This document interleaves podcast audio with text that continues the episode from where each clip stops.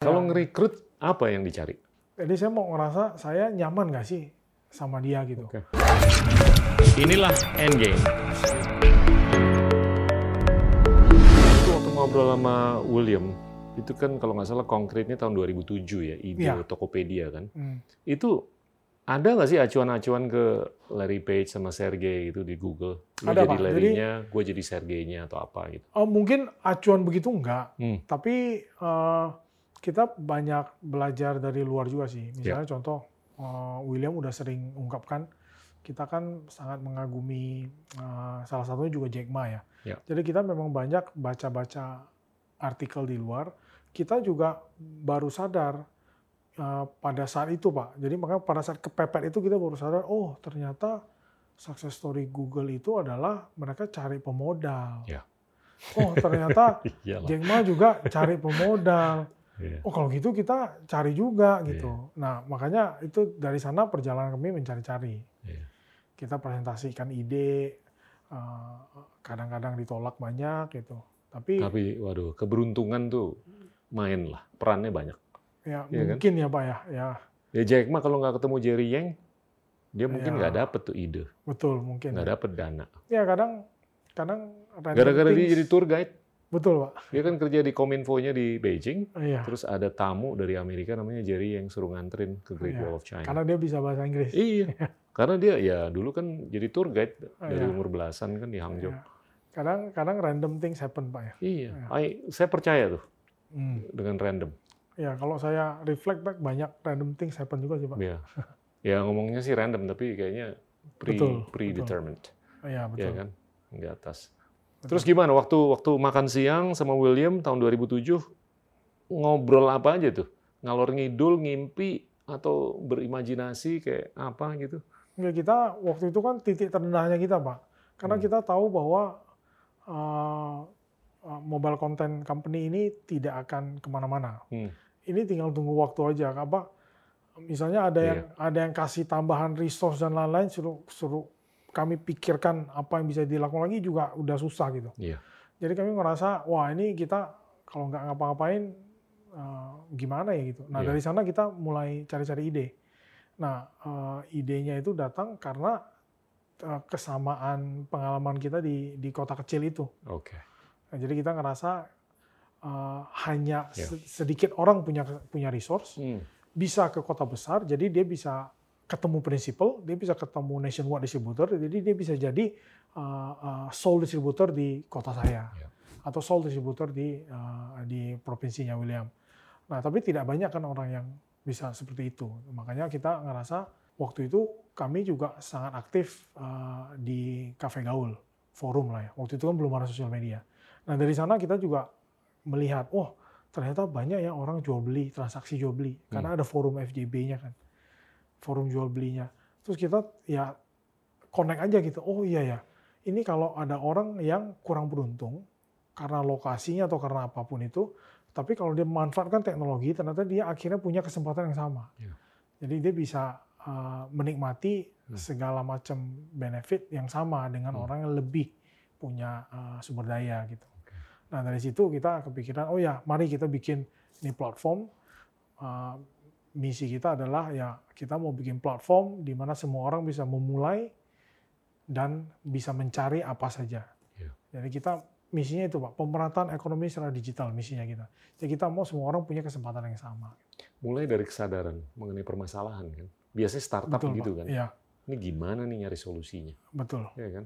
Kalau kalau saya ngomong dengan ya founder-founder startup lainnya mulainya dari problem. Nah, terus itu makan waktu 1-2 tahun kan sampai terkristalisasi. Iya iya Ya kan the founding of Tokopedia iya 2009 kan. betul. Kenapa makan dua wak- dua, dua, dua Hmm, tahun? Karena kita waktu kita mulai baca-baca artikel di internet, kita cari inspirasi, eh, kita mulai eh, ka- karena operasional kita punya gambaran sedikit lah, Pak. Oke. Saya tahu misalnya, oh, saya mesti beli server apa segala macam. Eh, colocation juga biayanya lumayan, terus belum lagi fasilitas di kantor, internet juga harus bagus, belum lagi pegawai dan segala macam. Hmm. Kita sudah ada gambaran kira-kira, wah ini kita dananya gimana gitu. Nah, dari baca-baca artikel kita baru tahu, oh apa banyak sekali entrepreneur sukses mereka mencari pemodal. Hmm. Nah sebenarnya dua tahun itu kita perjalanan presentasi pak. Oke, roadshow. Ya presentasi ketemu siapa, dikenalin ke mana kita presentasi uh, dan tidak mudah. Berapa banyak yang nolak? Wah banyak pak. Nggak. Ceritain aja. Ketemu Uh, ratusan orang pasti kan? Ada pak, ada mungkin ya. Uh, yang nolaknya macam-macam sih pak. Ada yang nolaknya, uh, ada yang bilang gini, kenapa saya harus ke website kalian? Saya cari di Google apa pun saya bisa dapat. Oke. Waktu itu Gimana tuh jawabnya? Enggak, saya, saya masih ingat, saya bilang, Pak, Pak, eh, Google itu crawling website orang. Jadi, website saya kalau muncul di Google, nanti Bapak klik masuk website saya. Tapi mungkin karena dia orang senior kali ya, maksudnya eh, generasi di atas, jadi dia nggak, nggak gitu paham gitu. Eh, kemudian ada satu lagi yang bilang, loh, eh, memang ada orang mau beli online. Coba saya beli baju, saya kan mesti coba, bilang mesti fitting, saya pegang kainnya bagus enggak, kalian gimana? Eh, ya kita nggak bisa jawab pak. Ya waktu itu saya ingatnya gini, eh, di forum-forum jual beli itu ya itu kebiasaannya beli aja gitu. Eh, ya kaos kan kebesaran sedikit nggak apa-apa gitu. Tapi Tapi eh, 2007 itu kan Amazon, Alibaba kan udah commonplace. Masa Sudah. masih gap pemahaman orang masih cukup tinggi ya? cukup waktu pak. itu? Waktu itu cukup tinggi. Ya. Hmm, Waktu itu cukup tinggi dan eh, kita kita kesulitan ini, kita kesulitan menjelaskan karena eh, ba- banyak hal yang bagi kita common sense tapi bagi orang lain tidak. oke. Ya itu yang bikin kita susah. Nah, terus ada yang eh, penolakannya lebih lebih lebih me- apa, lebih lebih menyakitkan hati lah gitu. Eh, karena waktu itu dia bilang, eh kalian umur berapa sih? Eh, 27, 26, 27 ya. 26. Hmm. Ya maksudnya, aduh Mark Zuckerberg itu tuh one of its kind dia bilang. Lu nggak usah mimpi terlalu tinggi lah. Coba kalau ada yang mau beli, jual aja ke dia. Udah kalian ini apa jual bisa dapat uang, bisa melakukan hal yang lain gitu. Wow, Nah jadi uh, discouraging banget. iya jadi Hmm. ya itu itu yang Semakin ini dong, paling ini. panas. Uh, iya Pak, waktu itu William mungkin lebih mature ya. Kalau saya kan, saya tergoda untuk menjelaskan bahwa kepercayaannya dia salah gitu. Iya, iya. Nah, Jadi diskusinya makin panas kan. Oh iya, kamu jamin nggak kalau barangnya nggak sampai gimana? Oh, jadinya makin panjang, makin melebar ke mana-mana, jadinya uh, diskusinya tidak produktif gitu. waktu itu. Gila. Siapa yang pertama kali ngasih dana? Uh, om saya sendiri. Iya, ya. oke. Uh, Ceritain, kenapa? Karena dia kasihan sama Anda atau dia percaya sama Anda? Eh, terus terang saya nggak tahu pak, tapi gini, eh, waktu itu dia yang yang yang kami ingat ya, dia itu orangnya sebenarnya baik pak. Dia itu percaya dengan orang muda gitu, banyak lah. Jadi dia mungkin mindsetnya mindset mindset investor lah gitu ya. Oke. Nah dia itu walaupun tidak bilang ya di depan langsung, tapi dia kirimin-kirimin artikel banyak. Saya masih ingat dulu masih BlackBerry ya, jadi dia Hmm. kirimin BlackBerry Messenger. Oh ini ada artikel tentang Rakuten, ini ada artikel tentang Alibaba, ada artikel tentang. Cuma ini bisnis modelnya uh, seperti yang kalian mau bikin nih. Coba kalian baca Hmm. success story-nya. Jadi kita baca success story-nya Rakuten, success story-nya uh, Jack Ma dan Alibaba, uh, success story-nya macam-macam yang Hmm. Google segala macam. Kadang kan apa namanya? Kadang kita sudah tahu bentuknya seperti apa, tapi kadang kita butuh story behind it kan. Ya. Oh dia begini, oh dia begini, oh dia begini gitu. Nah itu itu yang bikin kita uh, nggak patah semangat sih. Jadi uh, setelah presentasi nggak apa-apa. Kita waktu itu saya ingat gini, semua yang di, di apa disanggah oleh orang-orang yang menolak, waktu kita kembali ke kantor kita pikirin, Hmm. oke ini ini kita mesti gimana nih? Oh orang sanggah bahwa kamu jamin nggak barangnya sampai? Kalau nggak sampai gimana? Uh, ada garansi nggak? Ada ini after sales atau segala macam? Nah kita pikirin itu. Hmm. Makanya uh, jadinya kita bikin escrow, dananya ditahan dulu sebelum di se- sebelum Hmm. pembelinya bilang oke. Jadi banyak fitur-fitur itu kita uh, Berdasarkan ber- kekhawatiran. berdasarkan iya kekhawatiran orang. Jadi Oke. orang tolak, Hmm. tapi kita bilang oh ya kalau orang masih khawatir berarti nggak jalan nih karena Hmm. orang pasti nggak mau pakai gitu. Hmm. Nah, jadi kita perkaya terus fiturnya sih waktu itu. Berapa lama modalnya dia habis Ah, dari Om? ah, saya masih ingat waktu itu kita bilang "Hmm, kita mau pakai dua tahun. Jadi mulai tahun ketiga itu bisa self sustain. Waktu itu mimpinya. Waktu itu kan. Iya. bombastis. Ya, jadi kita bilang pokoknya dua tahun kita freemium lah, free, free, free gitu kan. Terus Tapi kita bilang eh, kita harus eh, generate eh, traffic, transaksi dan segala macam cukup banyak sehingga ketika kita komersialisasi di di awal tahun ketiga akhirnya kita bisa self sustain. Kita waktu itu mimpinya cu- cuma begitu aja. terus kejadian. Eh, enggak, Pak. Cerita dong. Akhirnya waktu itu Sales page-nya biasanya kan harus ya optimis banget kan. ya waktu itu eh, setelah kita jalan Agustus ya kita launch ya. Eh, di- 17 Agustus Iya, 17 2009. Agustus 2009 kita Hari kita launching. Hmm, Uh, momennya bagus banget Pak waktu bagus itu. banget. Uh, karena bukan cuma hari kemerdekaan tapi waktu itu di bulan Juni itu ada bom Marriott Hmm, yang MU Ya. batal datang. hmm, Jadi waktu itu semangat kebangsaan kita tinggi-tinggi banget. siap. Jadi semua komunitas pada bikin kaos kami tidak takut dan segala macam. Ya. Nah, kita ajak mereka untuk Betul. untuk jual di Tokopedia. Jadi Hmm. waktu itu waktu kita pertama kali launching 17 Agustus, memang yang paling laku kaos itu. Waktu itu ya, ah, waktu itu. Jadi momennya tepat lah. Ya. Baru jalan lima bulan ya sampai Desember ah, kita di- dikunjungi oleh East Ventures. Oke. Ya dan ya Awal 2010 ya. enggak itu masih 2009 Akhir 2009? masih- akhir 2009 Pak di Wow, Desember. Oke. Itu oke, pertama kali kita terima email, Oke. akhirnya tuker-tukeran email, akhirnya mereka benar-benar datang dari Jepang, semua all the partners datang dari Jepang. Nah, itu di Januari. Akhirnya kita meeting hari pertama, hari kedua langsung uh, salaman. Jadi waktu itu uh, ya itu merubah. Dahsyat. Jadi yang yang Itu kita sebelum duit omnya Anda habis. belum Oke. belum. Oke. Yang kita impikan setelah dua tahun self sustain yang nggak kejadian sih pak. Karena Mungkin kita growth-nya juga luar biasa. ya karena kita belajar Jadi, banyak. Kita di burn-nya lebih banyak. ya kita kita belajar bahwa oh ya kenapa ya uh, perusahaan internet banyak yang freemium. Hmm. Uh, kita jadi belajar kenapa traffic itu penting. Uh, karena misalnya kita di di di mentoring lah. Uh, ini ada conversion rate. Nah di dunia itu conversion rate itu kira-kira segini maksimal segini. Jadi sangat tidak mungkin banget kalau di Indonesia anomali tinggi sendiri conversion rate-nya jauh di atas itu kan nggak mungkin. Oh jadi kita hitung-hitung, oh iya benar juga ya berarti kita trafficnya masih segini, Hmm.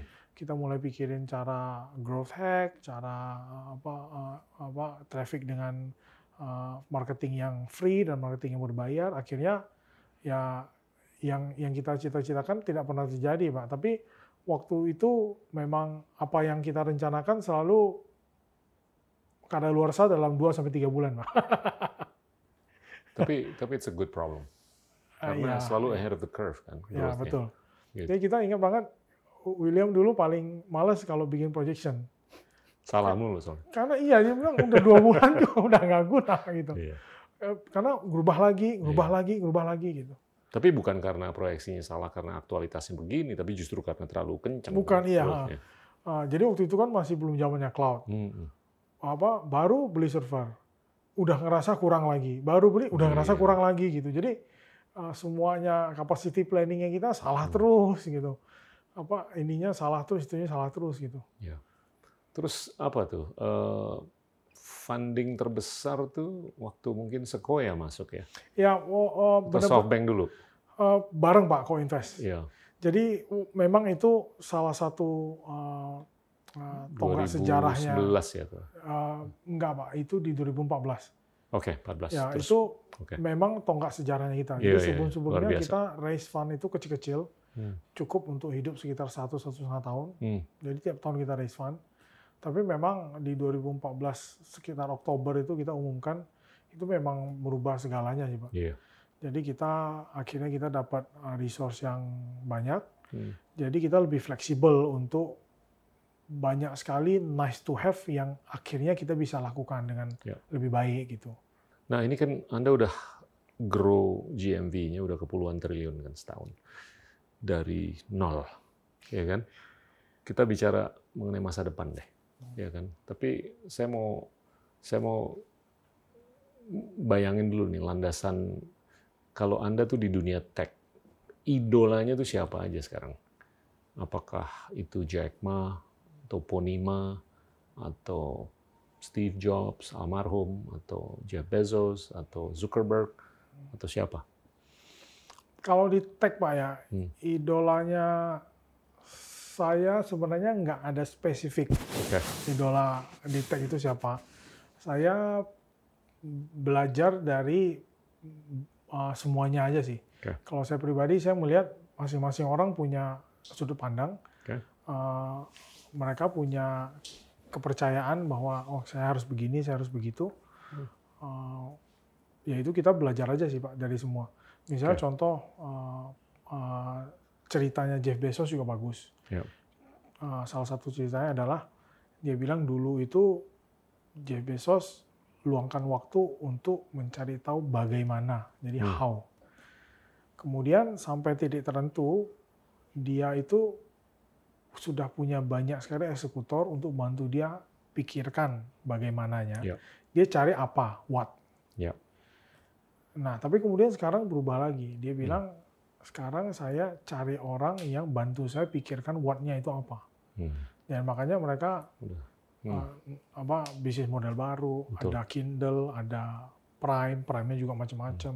Kemudian ada cloud, kemudian AWS, uh, AWS, Hmm. Blue kemudian Origin. ya IoT device mulai Hmm. banyak juga dari mereka. Padahal uh, mungkin ada perusahaan lain yang lebih identik dengan hardware, Ya. tapi ternyata mereka yang identiknya dengan shopping dan dan lebih ke arah software dan aplikasi, Hmm. ternyata bisa bikin perangkat-perangkat IoT yang banyak. Ya. Jadi itu juga cukup-cukup inspiratif sih, Pak. Oke. Selain dia, siapa lagi? Hmm, saya rasa Jack Ma masih termasuk yang paling uh, bagus karena filosofinya uh, bagus sekali. Hmm. Dia banyak filosofi yang keren. Ya. Uh, filosofi dalam hal kepemimpinan, Hmm. Uh, filosofi dalam hal operasional, dalam hal menjalankan mimpinya dia, dalam hal uh, bagaimana uh, apa namanya, bagaimana memperlakukan usersnya dia itu banyak sekali sih yang kita ambil. Misalnya salah satu contoh yang kita kita suka banget itu adalah dia sering bilang uh, kita harus uh, besar hati untuk berbagi seperti seorang guru, Ya. tapi kita juga harus rendah hati untuk belajar seperti seorang murid. Hmm. Dan itu benar-benar penting sekali. Dan saya ngerasain, misalnya contoh di Tokopedia, ketika kita semua mulai berkembang, uh, kita kan pasti memperkerjakan orang yang jauh lebih pintar, jauh lebih hebat, dan pengalamannya jauh lebih matang dibanding kita-kita. Nah, filosofi itu sangat berperan sih. Karena kita harus sekuat mungkin sebagai seorang guru Hmm. untuk membantu tim baru kita Iya. uh, mengejar ketertinggalan dengan lebih cepat. Tapi ketika mereka sudah mulai paham, banyak sekali ide baru dari mereka yang istilahnya ngacak-ngacak apa yang sudah kita lakukan dulu. Betul. Nah itu kita juga harus belajar. Wow. Kita harus, oh iya ya, Hmm. uh, ini udah nggak nggak bisa nih gitu. Ini lebih lebih tepat uh, pendapat uh, tim member kita yang baru gitu. Nah itu ternyata Itu nggak gampang loh. Itu susah pak, memang. gampang. Untuk untuk menunjukkan keterbukaan. Ya. Iya kan? Anda kan ya banyak lah, nggak usah sebut nama. Mereka ngerasa sebagai co-founder, vice chairman, chairman, terus ngerekrut orang baru, lo tau apa sih? Lo ikutin aja amanah dari gua. ya itu Tapi kalau kalau Anda dan William tuh bisa merendahkan diri bahwa kita tuh lebih banyak bisa belajar dari orang-orang yang kita rekrut. Maybe that's the recipe for success yang sustained. Maybe Pak. Jadi um, menurut saya saya banyak itu sih Pak. Saya banyak uh, akhirnya sadar diri gitu. Hmm. Jadi uh, yang yang paling saya mungkin yang paling mungkin kuncinya menurut saya Iya. gini. Uh, dulu waktu kita bikin Tokopedia kan kita semangat kan. Saya merasa saya bisa melakukan apa pun gitu. Uh, topik ini ikut nimbrung karena dulu cuma berdua kan. Apa pun ya ya nggak nggak ada orang lain yang Iya. yang harus mengerjakan pasti Betul. antara kita berdua. Tapi lama-lama tuh uh, saya juga sadar saya itu ternyata nggak suka hal-hal seperti ini. Hmm. Saya itu nggak bagus untuk hal-hal seperti ini. Iya. Uh, uh, ki- ya itu kita mesti mesti sadar sih pak itu. Karena kalau nggak sadar itu menurut saya nggak baik. Jadinya kita akan selalu apa ya dalam situasi marah kan. Hmm. Kita selalu uh, kok yang saya bikin nggak pernah bagus ya gitu. Hmm. Kok saya apa selalu di challenge sama orang gitu. Hmm. Selalu di begini begitu dan saya tidak bisa berbuat banyak. Nah itu bikin kita emosi kan. Kita merasa uh, tidak baik lah gitu. Ya. Nah itu kalau kalau saya renungkan lagi, saya merasa itu terjadi karena memang topik-topik tersebut bukan forte-nya kita. Hmm. Uh, makanya ketika di challenge, saya juga nggak bisa berikan alasan yang baik, berikan penjelasan yang baik, karena ya bukan kekuatannya kita gitu. Ya. Sehari-hari saya jarang baca tentang topik itu, jarang mengikuti talk show tentang topik itu. Tapi harus dilakukan karena kan kita jalankan perusahaan kan. Ya. Nah kalau kita punya nafsunya besar tapi apa tidak didukung oleh kemampuan dan ya. lain-lain, ya. Ya itu yang bikin kita nggak akan ke mana-mana. Hmm. Ah, nah itu saya mulai sadar sih pak. Jadi ya. itu saya belajar banyak banget. Akhirnya memang sebaiknya kita melakukan what we do best gitu. Hmm. Uh, karena ujung-ujungnya setiap orang tuh ada karakternya kayak saya jadinya kalau saya renung-renung kok saya suka bacanya kayak gini-gini ya. Yeah. Topik yang kayak gini yang saya perdalam terus gitu. Hmm. Nah, makanya saya beruntung banget punya partner kayak William gitu. Dia komplementernya saya. Saya juga merasa beruntung banget punya sekarang banyak sekali leaders baru di Tokopedia. Mereka pengalamannya beda, yeah. uh, skillnya beda, daya tariknya beda, yeah. uh, uh, apa minatnya beda, passionnya beda. Nah itu yang memperkaya sih. Jadi kadang-kadang saya kalau diskusi sama leadersnya kita, diam-diam saya juga, oh begitu ya. Oke. Belajarnya banyak. Kan? Saya belajar banyak dari hmm. mereka. Mereka jadi, oh begitu. Segala macam Pak. Hmm. Kadang operation, kadang teknologi, kadang government relation, kadang ya. tentang financial, tentang keuangan. Ya. Jadi saya, oh pantas ya dulu salah berarti saya tuh. banyak kalau, itu Pak saya. Kalau ngerekrut apa yang dicari? Uh, ya mungkin tiap orang beda-beda pak. Kalau hmm. kalau saya yang pertama gini pak, saya ngerekrut orang yang uh, saya itu kalau interview, saya itu suka ngobrol dengan kandidat seakan-akan dia itu sudah kerja bareng saya. Okay. Nah jadi saya pengen yeah. kayak problem solving bareng sama dia. Okay. Jadi saya mau ngerasa saya nyaman nggak sih sama dia gitu. Okay. Uh, ny nyaman tuh bukan berarti gini pak, bukan berarti uh, kandidat tersebut harus ngomong yang baik-baik aja kalau dia nggak setuju harus dengan berani. saya, ya dia harus berani ngomong. Hmm. Jadi biasanya saya suka kandidat yang, wah bener ya, dia saya nggak kepikiran tuh, hmm. bagus tuh dia. Nah ini sekarang saya tertarik untuk gali lebih dalam. Hmm. Uh, kalau apa ngobrolnya oke, okay, uh, biasanya saya akan bilang uh, ini saya lumayan tertarik untuk yeah. melanjutkan gitu. Walaupun kalau di Tokopedia bukan keputusan saya sama William saja. Ya. Kita interviewnya uh, udah banyak. komite sekarang. Ya, udah komite. Jadi uh, walaupun kita hire engineering, tapi yang interview termasuk orang produk, orang bisnis. Karena apa? Orang produk dan bisnis akan harus harus nyambung. Iya harus nyambung. Front akan jadi peersnya dia. Hmm. Kalau nggak nyambung susah. Nah, nanti kita hmm. akan voting bareng. Tapi kalau kalau saya saya suka gitu. Saya saya anggap aja dia udah udah udah part of the team. Jadi saya diskusi aja ada problem gitu. Hmm misalnya tergantung fungsinya. Kalau saya hire uh, financial, saya ngomong aja problem financial. Hmm. Kalau kita hire orang fraud misalnya, kita ngomong aja tentang fraud. Kalau compliance, kita ngomong aja tentang compliance. Nah dari sana kadang uh, ada kita bisa ngerasain sih, ada yang oh ini terlalu teoritis. Gitu. Yeah. Oh, dia, dia tuh kayak bacain buku, saya buku aja, kayak baca buku aja. Kayak. Terus saya, saya lebih suka yang orang yang punya uh, ini sih Pak, contoh nyata gitu. Yeah. Jadi pengalamannya dia di perusahaan sebelumnya, pengalaman gagalnya dia, uh, pengalaman dia. Ada nggak sistem untuk mendeteksi bullshit gitu? Kalau lagi interview uh, orang. Gini Pak, menurut saya mungkin ada, huh. uh, harus mungkin harus ada uh, ada research tentang itu.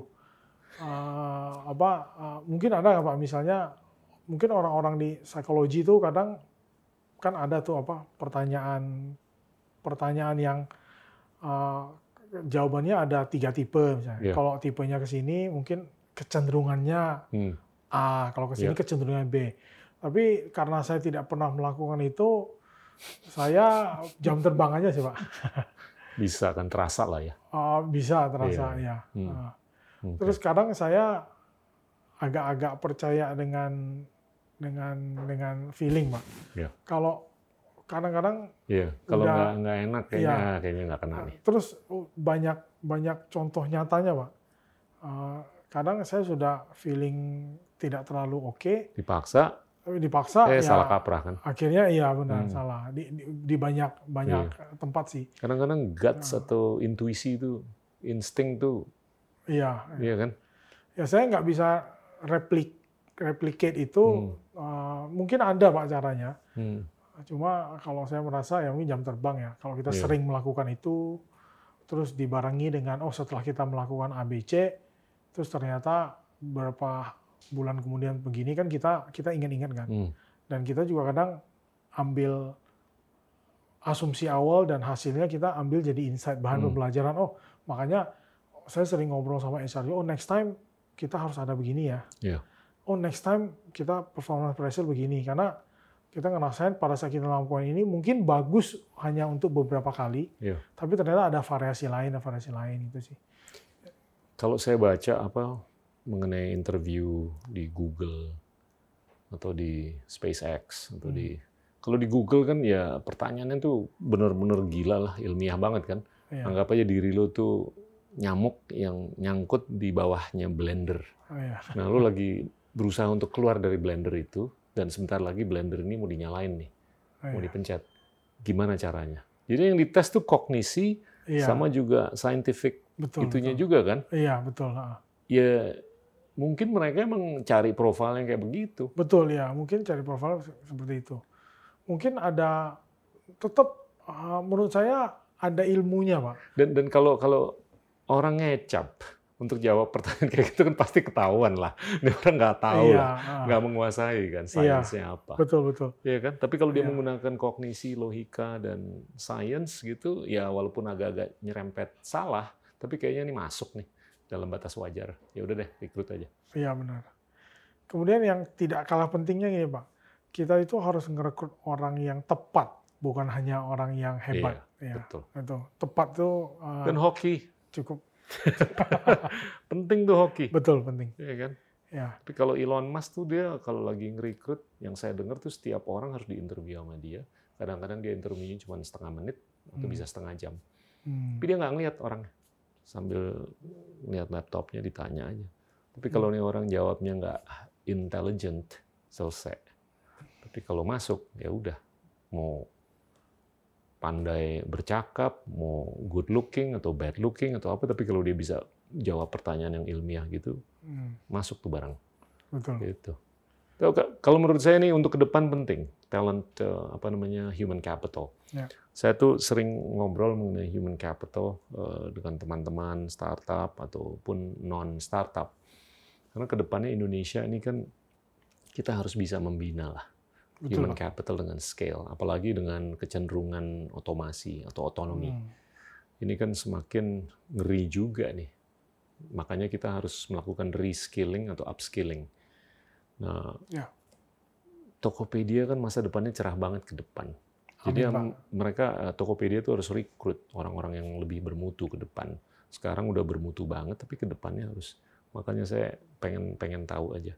Nah, ini kan sekarang competitive landscape-nya semakin banyak ya. Hmm. Eh, banyak pemain-pemain baru dan kelihatannya modalnya juga nggak kecil Hmm. di belakangnya. Talk about that. How do you see that? Eh, begini Pak, kompetisi itu sampai titik tertentu bagus karena kita jadi terpacu. Hmm. Eh, banyak hal kita juga terinspirasi dari apa yang dilakukan oleh kompetitor, Ya. Eh, baik direct kompetitor maupun yang tidak direct kan. Tapi memang eh, kita juga tidak bisa begitu terus gitu. Hmm. Yang saya percayai begini Pak, yang saya percaya itu kalau kita lihat contoh ya, company di luar gitu. DNA itu penting, Pak. DNA apa core value, Ya. visi, misi itu sangat penting. Ya. Karena bisnis model boleh mirip, eh, apa banyak metodologi yang bisa kita tiru, tapi memang di dalam hati itu yang paling paling intinya itu yang bikin beda. Jiwanya. Jiwanya. Hmm. jiwanya bikin beda gitu. Hmm. Uh, kalau kita lihat perusahaan yang sukses itu mereka kelihatan banget jiwanya itu masih ada. Uh, ambil contoh misalnya perusahaannya yang bikin iOS dan Android. Sebenarnya kalau kita uh, pegang handphonenya kan sama aja kan. Ya. Tapi uh, apa yang mereka percaya itu yang bikin mereka beda. Hmm. Uh, Android kan mereka percaya lebih open. Gitu. Hasilnya kita bisa lihat banyak sekali. Hasilnya itu misalnya, uh, oh semua orang bisa menggunakan Android. Walaupun jika mau pakai service-nya Google memang ada uh, commercial uh, Ya. agreement-nya. Tapi kalau hanya sekedar open source dibukain. Jadi banyak sekali. Tapi uh, iOS yang lebih tertutup, mereka ya mereka punya karakter sendiri gitu. Ya. Hasilnya juga bisa kita lihat. Misalnya sebagai mobile apps developer, pertama kali saya bikin iOS app itu harus nunggu dua minggu di review dulu. Gitu. Kalau Android langsung cepat gitu. Kita lebih, bisa lebih cepat launching. Tapi memang kadang ada uh, ketatnya itu kadang ada beberapa berita positifnya juga. Ya. Misalnya uh, apa malware atau apa aplikasi yang uh, berbahaya itu lebih jarang terdengar kalau di App Store dibanding di Play Store gitu. Ya. Uh, nggak salah sih Pak karena itu karakter dan jadi saya juga percaya itu. Ya. Saya percaya Tokopedia kita bisnis model boleh banyak yang mirip, tapi visi misinya Tokopedia, Hmm. uh, core value-nya kita, DNA-nya kita itu yang akan bikin pembeda sih. Gimana untuk bisa terus menyempurnakan jiwanya atau memperkaya jiwanya? Ya, gini, itu perjalanannya agak panjang, Pak. Ya. Awalnya gini, awalnya kami berdua itu uh, caranya dengan memberi contoh. Oke. Jadi kita selalu ketika meeting kita ini begini ya, ini nggak boleh, ini nggak boleh, ini harus begini. Oh customer care kamu harus begini. Kalau misalnya salahnya kita udah, kita itu core kita misalnya. Kalau dicari-cari root cause-nya Tokopedia yang salah, udah kita yang kompensasi. Itu prinsip dari dulu ya. Tapi zaman dulu kan orangnya sedikit. Hmm. Setiap kali meeting dalam satu ruangan kecil semua sudah ada aja semua mendengarkan. Nah, ketika kita makin besar kita di di apa dikasih nasihat juga Hmm. oleh uh, beberapa investor kita. Oh, kalian harus tulisin. Uh, salah satu investor kita bahkan uh, memberikan contoh. Dibilang ini contoh di kantornya mereka di Jepang. Sampai mereka punya visi misi dan DNA di- ditempelkan di toilet. Jadi katanya selesai saya cuci tangan, kalau saya lihat ke Hmm. cermin, Hmm. di belakang memproyeksikan visi misi. Atau di depan urinal. Atau di depan atas, urinal. ya kan? Nah. Hmm. Kami juga bilang, oh iya, memang sampai satu titik itu harus dituliskan. Hmm. Nah, sejak saat itu kita mulai tulis. Kita mulai apa common sense kita selama ini kita harus tuliskan dengan baik. Kata-katanya ya jangan terlalu standar, harus yang kalau dibaca itu cukup encouraging lah. Iya. Jadi kita tulis makanya visi misinya kita, Hmm. DNA-nya kita kita tulisin. Gitu. Nangkep nggak? Masuk? Um, kita tuliskan dengan contoh dan penjelasan Hmm. waktu itu. Jadi waktu itu kita bikin buku kecil, Pak. Ya. Jadi kecil segini, taruh di saku, kita Ya. bikin. Nah, itu juga mengalami perubahan. Kadang udah tidak relevan. Uh, kita uh, DNA kita kita dulu ada lima DNA kita rubah jadi tiga. Sebenarnya mirip, tapi Hmm. lebih kekinian aja sih. Oke. Ya, jadi itu kita mesti perbarui. Dan kalau menurut saya, eh, memang komunikasi eh, kita kasih training, semua onboarding baru ada trainingnya, reminder, eh, itu cara-cara yang baik, tapi tetap menurut saya memberikan contoh itu salah satu yang paling efektif. Ya. Dan eh, yang kedua adalah eh, kita sebagai pemimpin kita harus selalu menyempatkan diri untuk hadir. Hmm. Karena Tokopedia ketika sudah besar udah nggak banyak lagi yang bisa ketemu saya sama William. Mereka kadang mau Pasti. gitu, sekedar Pasti. ngobrol aja gitu, anything gitu. Ini kehormatan loh saya bisa ketemu. Sama Pak, saya juga kehormatan ketemu dengan Pak Gita. Ya. Jadi saya selalu sempatkan diri Pak. Jadi tim HR kita selalu uh, macam-macam. Hmm. Jadi kita dulu ada yang namanya birthday treat. Wow. Nah, jadi kita karena Tokopedia orangnya tahun. banyak, Hmm. kita kumpulin orang yang ulang tahun di bulan ini, kita makan bareng.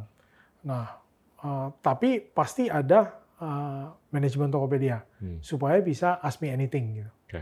Nah, memang Bagus. kadang kita sudah sibuk. Kita nggak bisa ke mana-mana berdua, saya sama William ke mana-mana. Sekarang kita berempat sama Melisa sama Patrick nggak bisa karena masing-masing sibuk. Tapi saya yang selalu menyemparkan diri sih Pak. Ya. Jadi setiap ada birthday treat sampai sekarang sebelum COVID ya, saya pasti datang Hmm. dan saya open. Ayo tanya malu-malu udah kalau malu-malu saya yang tanya gitu misalnya. Hmm.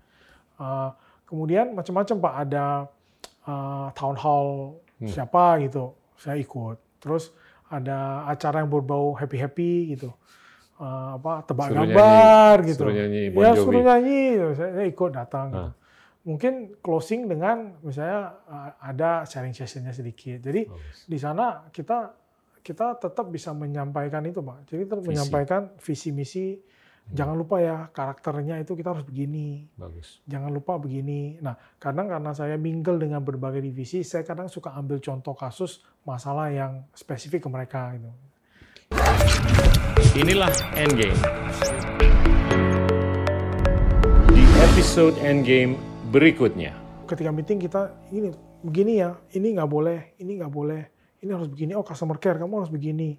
Kalau misalnya salahnya kita udah, kita itu core kita misalnya. Kalau dicari-cari root cause-nya Tokopedia yang salah, udah kita yang kompensasi. Itu prinsip dari dulu. Ya.